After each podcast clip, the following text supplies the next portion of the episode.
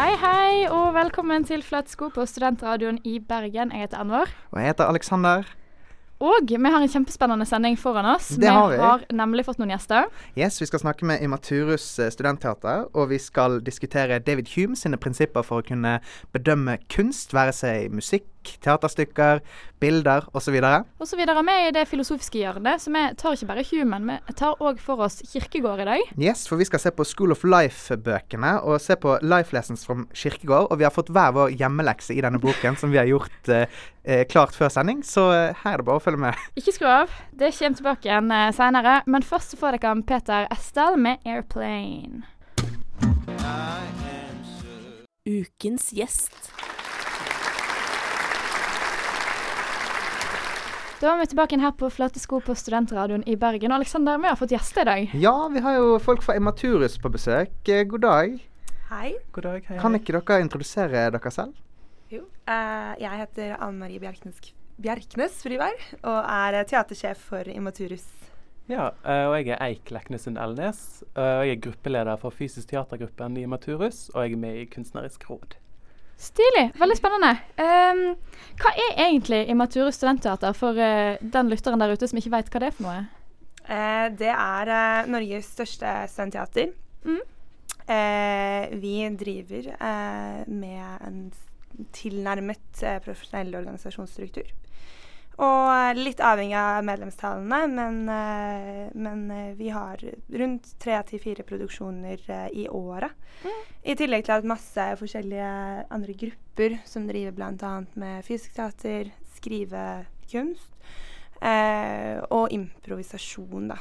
For dette her er litt av det dere kan ha som undergrupper. Er det sånn som alle kan ta del i? Ja, Mm. Uansett, det kreves ingen forkunnskaper eller eh, spesielle skuespillertalent. Alexander f.eks. kunne blitt med hvis han ville. Ja, helt klart. Ja, det. Det er vel en slags audition-prosess her, eller? Ja, eh, det er jo et amatørteater, så vi, eh, så vi vil gjerne ha amatører inn som eh, har lyst til å lære, og har lyst til å være med i en læringsprosess der alle er amatører. Mm. Hvor mye tid vil du tro det krever fra en, for en student hvis de skal bli med på en sånn produksjon? Eh, som skuespiller. Som skuespiller, ja. Eh, det kommer an på når produksjonen har premiere, da. Eh, men eh, sånn som nå, som vi har eh, første produksjon eh, 27. februar. Jeg har sett eh, noen lapper om eh, auditions rundt omkring på yeah. HF, blant annet. Eh, en sporvogn til begjær, er det yeah. det? Ja. Det er andre produksjonen vår. Den har mye lengre produksjonsprosess, for den har premiere 16. Så da vil man eh, være i prøve jevnlig gjennom de månedene. Mens eh, hvis vi har en produksjon som har en tidlig premieredato, så er det intensivt arbeid eh, gjennom kanskje seks til åtte uker. Da. Skjønner. Mm. Hvor mange kvelder da i uka, eller hvor mange dager må en sette av for å være med? Avhengig av regissør. Eh, men eh, man må være dedikert, det må Ja. jeg være ærlig på. eh, og det, man må nok regne med å være med i prøver eh, hver dag. Ja. Helger fri gjerne, da. Men hvordan er kriteriene for f.eks. å være nettopp regissør, da? Er det strengere der i forhold til f.eks. å være med i en større manusgruppe eller eh, lignende? Jeg tror det kommer litt an på hva slags ambisjoner man har som regissør, og hva ønsker man har for stykket, og man å, hva man har lyst til å gjøre med det. da. Um, man kunne jo kjørt et helt stykke gjennom f.eks. radioteater, eller man kunne gjort det fysisk, eller man kunne vært veldig tekstbasert. Uh, og jeg tror det går veldig på det å ha en idé, og det å ha ambisjoner, og det å ha vilje og ha lyst til å være regissør. Um, så kan man jo hver gang vi har en produksjon, så, så, så utlyser vi jo. Så, så, så um, søker vi jo etter regissører. Så skriver de en prosjektbeskrivelse, og så tar vi den som vi føler passer best til det stykket som blir satt opp. da. Så utrolig spennende. Vi skal snakke litt mer om uh, disse ulike prosjektene dere kan ha utover våren etterpå. Men først så skal vi høre uh, Kyle the Few. Kill the Pew, vet ikke hvordan man uttaler det. Uh, sangen heter i alle fall Blunt Truth. Ukens gjest. Woohoo! Bra applaus der. Da er vi tilbake igjen her eh, på Flate i Flatesko på Studentradioen i Bergen. Og vi har fremdeles Imaturus eh, med oss her. Mm. Og vi er proppfulle av flere spørsmål til eh, dere. Kunne vi og Anvar eh, bare satt opp et stykke hos dere, eller har dere en ganske streng struktur på hvilken, hvilke stykker dere skal sette opp? Er det er de på en måte allerede eksisterende stykker dere setter opp, eller kan man bare skrive sitt eget fra scratch, liksom? Vi har jo mikroprosjekter Mhm. som eh, man eh, kan sende inn prosjektbeskrivelser på når som helst i løpet av eh, sesongen. Eh, og det kan være eget skrevet, eller det kan være noe som allerede er skrevet fra før av. Om det er monolog, eller om Så det utrolig kult. Ja. Før jeg sjekker ut nettsidene deres, så står det f.eks. at eh, man kan spørre om å arrangere sånn poesikvelder osv. videre Mhm. Og det er bare sånn, da kan man bare si at OK, hei, eh, den kvelden har jeg lyst til å gjøre det. Mm. Og så samler man bare folk til å bidra, eller kan man liksom bare komme alene og satse på at folk slenger seg på? Det kommer litt an på kvarteret òg, fordi vi er en del av kvarteret. Så det er Mm. der vi booker rom. Så det kommer an på når de har ledig rom. Men det er jo også mulighet for å få til Vi, vi pleier å gjøre alternative løsninger òg. Man kan gjøre det ute, f.eks. Eh, men eh, det er mulig å gjøre veldig mye eh, Mm. om man tar kontakt. Mm. Eik, hva er det egentlig du driver med på Hva teateret? jeg driver med? Uh, jeg er jo med i Kunstnerisk råd. Så eh, sånn med dette her med å sette opp en forestilling og sånne ting, så er jo vi veldig med på å hjelpe de som produserer forskjellige ting. Da, med, altså vi kommer der og vi ser på, man kan spørre oss spørsmål og vi hjelper til så mye som mulig. da. Eh, og I tillegg så er jeg gruppeleder for uh, Fysisk teatergruppen. Og hva er fysisk teatergruppen? Ja, det er et godt spørsmål. um, fysisk teater kan jo være ganske mange ting, da. Eh, man kan vel si at det er historiefortelling gjennom kroppen, det fysiske. Mm. Um, og det, det er veldig mange forskjellige disipliner innenfor, innenfor fysisk teater. Uh, men det jeg på en måte er mest opptatt av, og det jeg syns er mest viktig for Immaturus, det er dette med lek, og dette med å på en måte slippe kroppen fri, og, og ha det kjekt. da, Og å lære seg å improvisere og være veldig spontan. da. uh, og finne ut hva, hva kroppen kan. Så at man utrolig spennende. Kjente jeg fikk nesten litt lyst til å spille teater. Ja, topp. Hvilke stykker er det vi kan se fram til nå eh, på vårparten? Um, Skal vi ta ett hver, eller? Ja, Ja, Vil du ta første eller andre? Ja, den første er jo eh, hypotetiske situasjoner. Eh, som er skrevet av eh, ei som heter Mari Nilsen, som går på Skrivekunstakademiet. Um, og det er jo et veldig, veldig, veldig interessant stykke. Hypotetiske Ja. situasjoner. Eh, hva, hva handler det om? Så vi, kan, vi si, kan vi si hva det handler om? Røp en Kan liten synopsis. Ehm, jeg, vet ikke hvor- jeg vet ikke hvor mye jeg har lyst til å si, det er, men fordi det skal være litt sånn surprise for uh, Men kan du si hvorfor man bør gå og se det, da? Uh, Fordi det er uh, litt eksperimentelt. Det er nytt. Det er urpremiere. Det er veldig, veldig kult. Ok, Så man, man spoiler det litt rett og slett ved å beskrive det? Ja, men jeg tror, det sceniske tror jeg kommer til å bli veldig interessant. Hvordan det kommer til å Mm. se ut. Uh, og dialogen i stykket er, er veldig Til tider litt abstrakt, Mhm. eh, men veldig, veldig interessant. Jeg kjenner dette er noe jeg har lyst til å se. Jeg ble Og- veldig nysgjerrig nå, jeg. Ja. Men stykke nummer to, da? Det er jo en sporvogn til begjær. Klassiker. Eh, det kom vel ut i 1947, eller er det jeg som surrer nå? Jeg tror kanskje det kan stemme. Ja. Tennessee Williams. Um, det er vel noe kanskje mange har hørt om. Eh, så vi syns at eh, kombinasjonen mellom eh, hypotetiske situasjoner og en sporvogn er eh, litt kult. Det er eh, eh, noe som er nytt, og noe som allerede er satt opp fra før av. Men så er vi i Maturus, og vi liker å eksperimentere med teater, så jeg tror ikke en sporvogn til begjær blir noen sånn superklassisk oppsetning.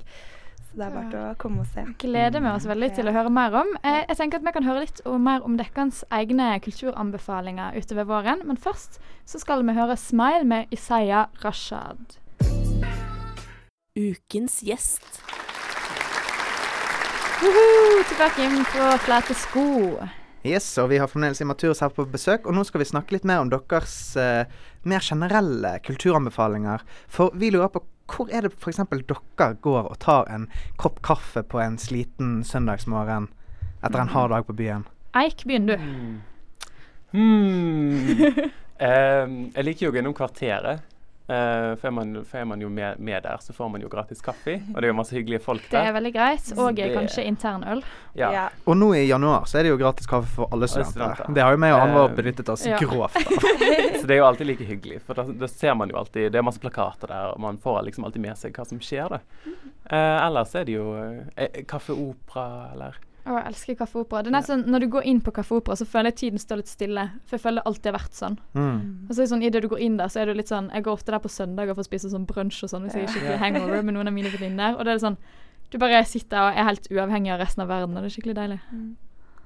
Og du Anne, hvor går du når du er sliten på en søndag? Eh, BKB, kanskje. Ja. Eh, det bryen der. Mm. Det syns jeg er ganske kult. Og så er det veldig god kaffe. Um, Det er selvsagt et pluss. Ja. Kult interiør eller og fin atmosfære. ja. Begge deler. Det er veldig Men, nice eh, der. men grunnen til at dere nå eh, er såpass sliten på en søndag, skulle jo gjerne vært at dere var ute på Druen på lørdagen. Og hvor var dere i så fall da, ideelt sett? Sånn, i- sånn i helgen, mener du? Mm. Ja. Ehm, jeg, jeg er jo ikke så veldig Altså, jeg går jo ut og fester, men jeg er ikke så veldig Jeg drikker ikke så veldig mye, så jeg går gjerne plasser og danser. Ja, men det er like bra. sånn- bare sånn- Bedre. Det vil nok er mange hevde. bedre. Hvor hen går du da? Um, ja, hvor går jeg hen? Det kommer veldig an på hva som, hva som skjer rundt mm. omkring. Jeg er veldig glad i hvis det er um, hvis det er noe Hvis det er noe jazz eller noe improband som spiller, eller hvis det er et eller annet Det er jo av og arrangement til litt sånn skjer. jazzgigs på Kvarteret og Ja, på og Hem og opera opera og og- litt sånn. Pleier å være veldig bra. Ja.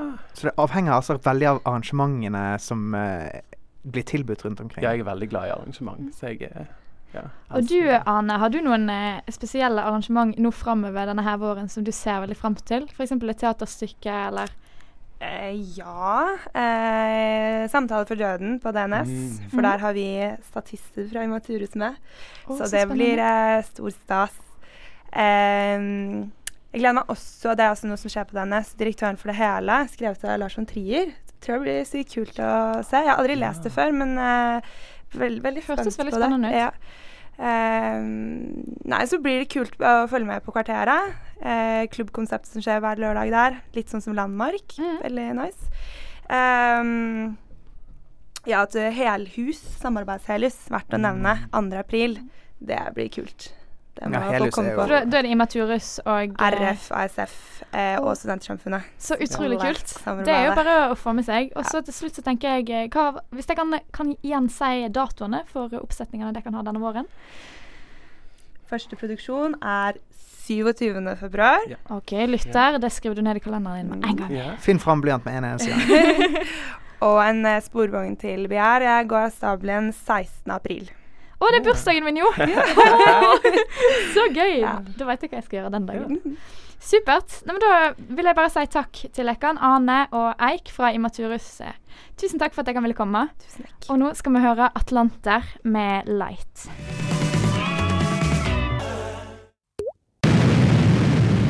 Ukens. Da var det tid for ukens test her på Flate sko. Og Aleksander, ukens test, hva er det vi har gjort denne her uka? Vi har sett på en eh, bokserie som heter The School of Life, som er, eh, blir eh, utgitt av en filosof som heter Alain de Botton. Som Eller de Botton? Eller som- b- b- b- du er franskdamen her. Eh, og han eh, ønsker å gjøre filosofi tilgjengelig for folk flest. Og den boken vi har sett på i dag, er 'Life Lessons from Kirkegård' av Robert Ferguson. Og der tar de for seg veldig konkrete, hverdagslige eksempler på hvordan man kan bruke filosofien til Søren Kirkegård. Og vi har fått utlevert eh, hvert vårt kapittel med tilhørende hjemmelekser. Og hva var din hjemmelekse i dag? Min hjemmelekse det var å på en måte lese det kapitlet som handler om eh, hvorfor man tenker så mye, eller overtenking. da, At man tenker veldig mye, og hva det gjør med oss. Mm, hvordan tenke uh, mindre er vel ja. ideen her. K- Hvordan tenke mindre. Men så, jo lenger jeg bevegde meg inn i kapitlet, bladde lenger og lenger Jeg leste for så vidt på PC-skjermen min, da, men uansett eh, jo, jo mer jeg leste dette her, til å begynne med så følte jeg at jo mindre skjønner jeg, faktisk. Fordi at det, det Kirkegård her vil fram til, er egentlig det at eh, individet tenker på en måte Du rettferdiggjør det du ikke gjør.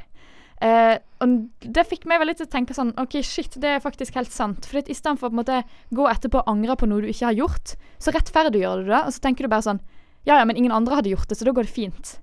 Um, han hadde annet um, eh, et eksempel på Altså, dette her er jo skrevet for hvor mange hundre år siden? 200 år siden. 200 år siden. Og han eh, refererer likevel til på en måte digitale medier, noe som jeg syns er helt vanvittig, i og med at det er 200 år siden. Det er et sånn frampeik på det som kommer til å skje, da, føler jeg. Jeg tror Søren Kirkegaard hadde begynt å grine hvis han hadde sett hvordan det skjedde. Ja, for han syns jo media var for eh, tilstedeværende i, på 1800-tallet. Liksom. men det han sier, da, det er på en måte at alt det som er rundt oss, samfunnet og alt sånt, det påvirker oss på en måte til å ikke tenke sjøl. Så sånn, greit, eh, det er bra å tenke mindre, men det vi gjør da, det er at vi reflekterer så mye at vi til slutt tenker at OK, det er ikke så nøye likevel. Men man blir helt handlingslammet Du blir liksom handlingslammet. handlingslamma. Individet mister sin på måte, sikkerhet på seg sjøl, og du blir mer påvirka av det som skjer rundt deg. da. For eksempel som hadde Anne et uh, eksempel fra gamle dager. da. For eksempel hvis noen skulle hente en skatt som lå langt ut på isen, eksempel, så hadde det på en måte før da vært vanlig at det, hele liksom, folkemengden sto og heia og bare sånn 'Kom igjen, du kan klare dette her. Finn skatten', liksom. Og at noen hadde da lista seg ut på isen og på en måte fått tak i skatten, og du hadde blitt oppmuntret til å gjøre det selv om det var farlig, fordi det er en utfordring. Mens det som da hadde skjedd i nåtidas samfunnet, eller på Søren Kirkegårds tid, det er mer det at hele denne her folkemengden som står og betrakter dette her, de velger ut den som er mest kvalifisert til å bevege seg på tynn is. Og så hjelper den ikke. De er mer sånn der OK, herregud, han er jo helt sjukt gal, dette kommer aldri til å gå bra. Men så får de en bare til å gå så langt ut som de tror at det er sikkert. Og så etterpå blir denne personen da hedra som en helt fordi at han faktisk tok den risken. Men så har han egentlig opp, ikke oppnådd noen ting, og så skryter likevel folk og beundrer noe han egentlig ikke har gjort. Mm. Eh, og det syns jeg var veldig sånn Så han oppfordrer rett og slett til mindre refleksjon og mer handling? ja. Mer handling, at man ikke tenker så mye, og spesielt at man ikke blir så påvirka av det mengden tenker. men men som filosof så var han utvilsomt opptatt av det å, å tenke og reflektere i seg selv. Han er jo eksistensialismens far, eh, og eh, han skrev jo og, hadde utrolig mye tanker. Men er det mer på det personlige plan, tror du, at han eh, Ja. mener man skal reflektere? Jeg tenker mer at man skal liksom unngå den kollektive refleksjonen. da, på en måte La folkemengden rundt deg bestemme på en måte hva som er beundringsverdig, hva som er bra eller ikke. For Han skriver òg i dette kapittelet sitt da, at det, selv om folk kanskje på en måte ser ned på deg fordi du mener en ting, eller de ser opp til deg fordi du mener en ting, eller de reagerer og blir provosert fordi du mener en ting, så er det allerede en bra begynnelse, fordi du mener noe selvstendig uavhengig av hva andre tenker. Og hva var hjemleksen din uh, i dette kapittelet, da, Anvar? Jo, min hjemlekse var jo egentlig da å tenke litt mindre. Bli litt mer selvstendig. Uh, og unngå kollektiv tankekraft. Så så jeg òg en eh, film som heter Man on Wire, som jeg egentlig har sett før. Eh, og der òg har du denne her mannen som på en måte Han gjør noe veldig beundringsverdig, men likevel så sier samfunnet at Hva er det denne mannen gjør i Man on Wire? Han går på line. Mellom uh, hvilke, Er det Twin Towers han går på line mellom? Uh, og så blir han jo arrestert, da. Ja. Fordi at det der er jo livsfarlig, så derfor må du i fengsel. Mm. Og egentlig så er jo det han gjør helt sjukt beundringsverdig og veldig kult. Altså det er jo veldig Det er jo en stor bragd å kunne gjort det, selv om det er dritfarlig, da, selvfølgelig. Så ikke Eh, reflekter deg ut av beundringsverdige handlinger. Bare gjør det du har lyst til. Ja, nettopp. Det tenker Filos jeg filosofi skal ikke ha noen innvirkning på, på eh, det, det liksom the passionate side Nei, things. sant. Man må liksom. bare holde fast på handlingen. Mm. Så eh, tenker jeg at vi skal høre litt mer om din heimlekse etterpå, Aleksander. Eh, så da bare tenker jeg at du der, kjære, der ute, kjære lytter, du kan bare tenke litt mindre og gjøre litt mer. Og så får vi Jamie Blake med 'No One Sees Me Like You Do'. Ukens test. Og da var vi tilbake igjen her på Flatesko på Studentradioen i Bergen. Og Aleksander, nå når vi var så godt i gang og snakka om filosofi, hva var din heimlekse til i dag? Jo, jeg også fikk et kapittel fra denne Life Lessons fra eh, Kirkegård-boken. Og eh, mitt eh, kapittel er også fantastisk relevant for folk i dag. Og det går, støtter litt borti den samme tematikken som deg, nemlig mm. denne, dette enorme maset vi blir omgitt med, i form av at alle føler at de blir nødt til å uttrykke seg på sosiale medier. Det er liksom Snapchat, Twitter, Det er som Facebook. alle skal mene noe. Alle skal ha, si sin mening og ha det siste ordet hele tida, føler jeg. Nettopp. Og, og folk får nesten en følelse av at de ikke eksisterer hvis de ikke ytrer seg hele tiden. Det sånn, ja. Og det Kirkegård eh, advarer mot her, er jo nettopp dette evinnelige maset. Han, eh, han på en måte Han har et essay her som heter um, The Lily in the Field and the Bird of the Air, som han skrev helt i slutten av sitt veldig korte liv. Han ble bare noe og 40.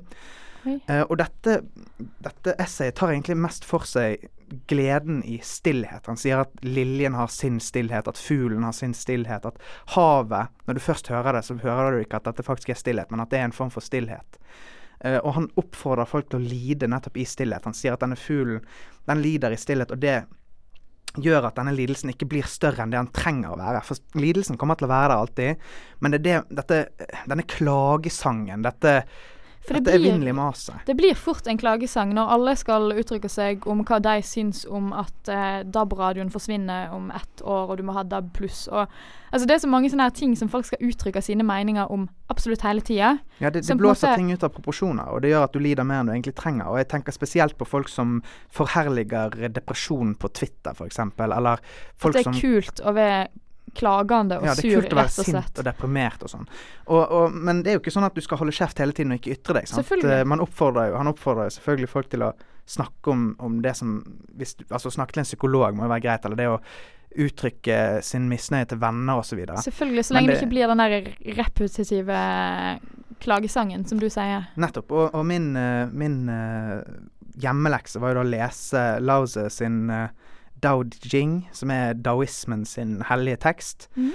Som har veldig mange paralleller til nettopp dette, denne stillheten. Dette med å bare flyte med ting. Dette med å bare godta eh, lidelse som en naturlig del av Og, og nettopp daoismen slo seg jo sammen med buddhismen og ble til zen-buddhisme. Og det er ganske mange paralleller mellom Søren Kirkegaard sine tanker her mot slutten av livet sitt og de generelle tankene i zen-buddhismen. Og jeg har også lest at det er ganske mange paralleller i Søren Kirkegaards filosofi generelt og i zen-buddhismen. Så utrolig interessant. Så um, i det hele tatt så syns jeg dette var utrolig opplysende, og jeg tror det er veldig viktig å forstå i dagens samfunn. Jeg blir alltid overrasket over hvor relevant Søren kirke faktisk er. Selv om det var skrevet for 200 år siden. Det er helt sjukt. Men det er vel det òg som, eh, altså, som kjennetegner en ordentlig god og stor filosof. Og i neste sending så skal vi se på flere av disse kapitlene og deg, dele litt mer av Kierkegaard sin livsvisdom med et moderne publikum. Så kjære lytter, bare følg med i neste sending, så blir det mer filosofi her på Flate sko.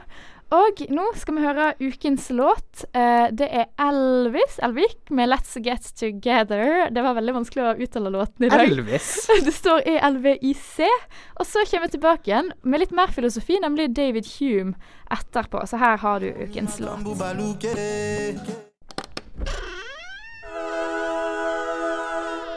Ukens funn.